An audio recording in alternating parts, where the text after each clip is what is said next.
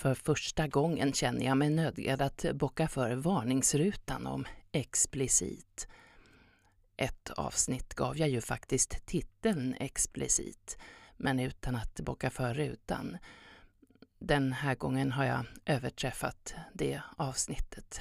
Så nu har jag förvarnat de av er som inte vill höra detaljer om en 55-årig kvinnas sexliv.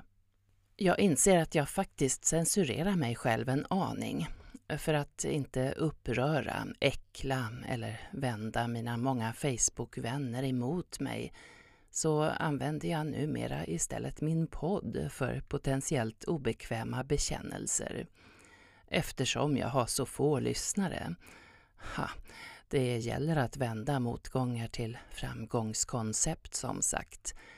Att få många lyssnare borde ju vara ett mål, men det finns onekligen ett värde i att ha få. Jag kan ju inte säga att jag inte vill att ni som faktiskt lyssnar ska tipsa om min podd för andra, om ni tror att de skulle uppskatta den.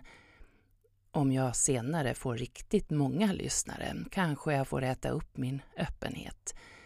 Kanske borde jag hålla vissa saker till mig själv eller min närmsta vänkrets. Kanske är det en form av osunt gränslös exhibitionism. Men på något vis känns det inte som att jag har tänkt färdigt förrän jag har formulerat, skrivit och publicerat för en potentiell offentlighet. Ja, det finns också ett inslag av magiskt tänkande när jag lyckas formulera mina funderingar, i synnerhet jobbiga saker som jag våndas över, känns det som att jag därigenom nått halvvägs till problemets lösning. Ja, nu till dagens ämne. Jag har just tagit mig igenom en process av nyrekrytering av älskare där en handfull framsållade kandidater från sexdate-sajten fått göra audition. I våras hittade jag ju två nya vardagsälskare, perfekta i kombination.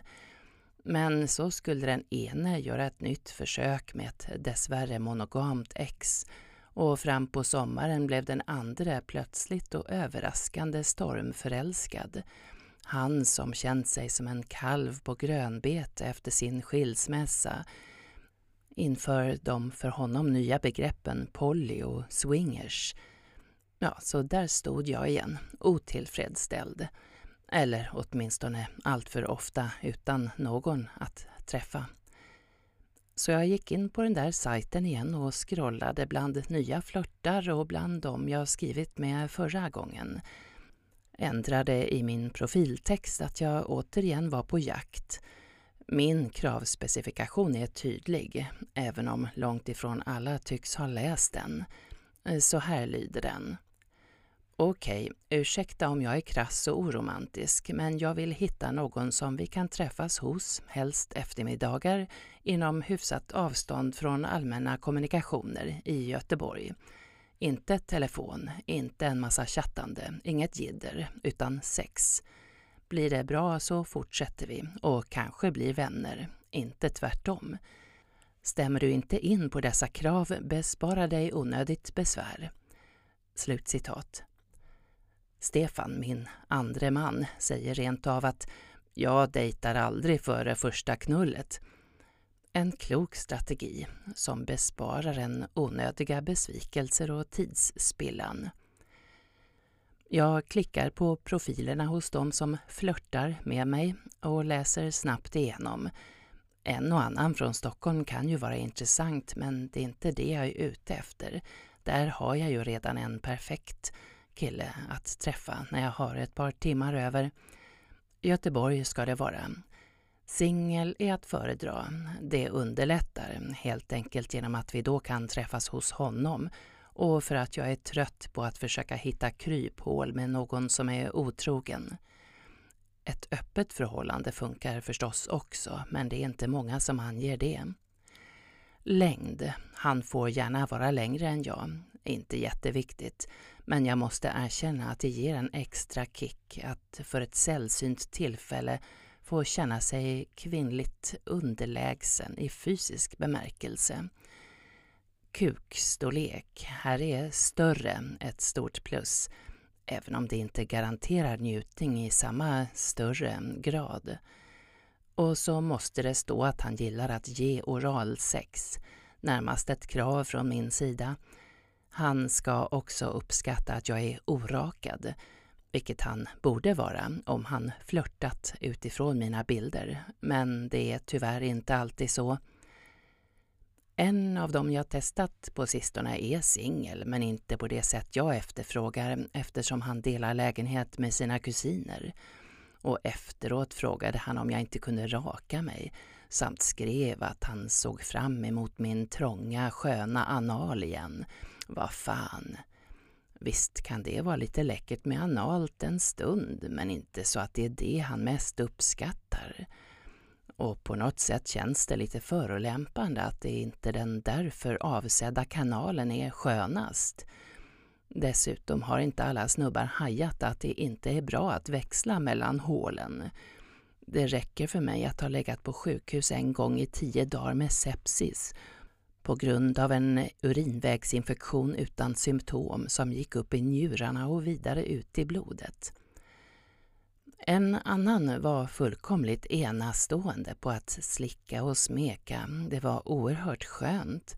Men vi klickade inte riktigt rent personlighetsmässigt. Han var liksom lite stel, mer hjärna än hjärta, frågade hela tiden om allt. Jag inser att jag ibland hade haft nytta av att kommunicera lite tydligare verbalt men om jag går igång så stängs den delen av hjärnan av. Och så får jag en liten misstanke om att han noterade och misstyckte inför en liten fläkt av armsvett. Min tröja kändes tillräckligt fräsch när jag tog på den men kroppsvärmen väckte väl doften till liv. En som egentligen inte var ett förstahandsval eftersom han bor några mil härifrån fick ändå audiens. Han är några år äldre än jag, lite sliten, en gammal biker tunga, torr som fnöske, men han var oerhört skön. Vi var väldigt kompatibla och han tände oerhört på mig och min kropp. Honom träffar jag gärna igen. Det får vara värt en pendeltågsresa när han kommer tillbaka från USA där han skulle köpa någon MC-motor eller vad det var. Ytterligare en fick jag lämna återbud till eftersom jag fick mens. Lika bra nästan, för när han skickade bilder utöver den halva ansiktsbild han har i sin profil var han liksom överdrivet snygg, snygg och hade lagt på något filter så att ögonvitorna lyste som på en avatar. Det kändes spontant inte som att han skulle uppskatta mig eller jag honom Dessutom skulle han resa ända från Jönköping, så det hade inte kunnat bli något återkommande, även om det mot förmodan hade varit bra. Den jag nu utsett till ny vardagsälskare är så perfekt. Tio minuter på cykel härifrån, jobbar hemifrån ibland, är lång, lite blygt, lugn och intensivt kåt på samma gång. Oerhört hett blir det, även om man inte har en kuk i kategorin större utan lång men smal, fast viktigast av allt hård. Jag är bara lite orolig att jag skämt bort honom genom att suga skönare än vad han varit med om förut. Han sa att han har svårt att komma så det kändes som ett gott kvitto när han gjorde det. Sist han hörde av sig ville han veta vad jag ville och då beskrev jag hur han skulle slicka mig tills jag nästan dör så att det räcker att han stoppar in sin kuk för att jag ska explodera. Och så blev det häromdagen. Egentligen hade jag bestämt mig för att nöja mig men så hörde en kille av sig med ytterst lyhörd läsning av mina önskemål så jag hälsade på honom förra helgen efter min tredje vaccination och jävlar vilken kuk! Sen skulle vi ha setts igen i måndags men då hade ett par Chalmeristtjejer hört av sig och ville ha trekant, något som han aldrig varit med om och inte ville missa chansen till. Och det fick jag ju acceptera. Han bad om lite försäkringar om att han verkligen hade en bra kuk, vilket jag gav honom. Efteråt frågade jag om det hade blivit oralsex också och då säger han att han inte gillar att slicka. Vad fan? I sin profil har han minsann bockat för utan ge oralsex. Men han menar att fingret måste ha sluntit. Nåja, med den kuken och några oralsexfantaster vid sidan om kompletterar jag gärna med hans kuk, som är den bästa jag haft förutom honom jag kallar praktkuken, den som jag träffar i Stockholm när jag har ett par timmar över. Ja, hjälp, nu har ni väl fått så ni tiger. Eller så att ni tipsar om min podd till en obehagligt bred allmänhet. Tack för mig.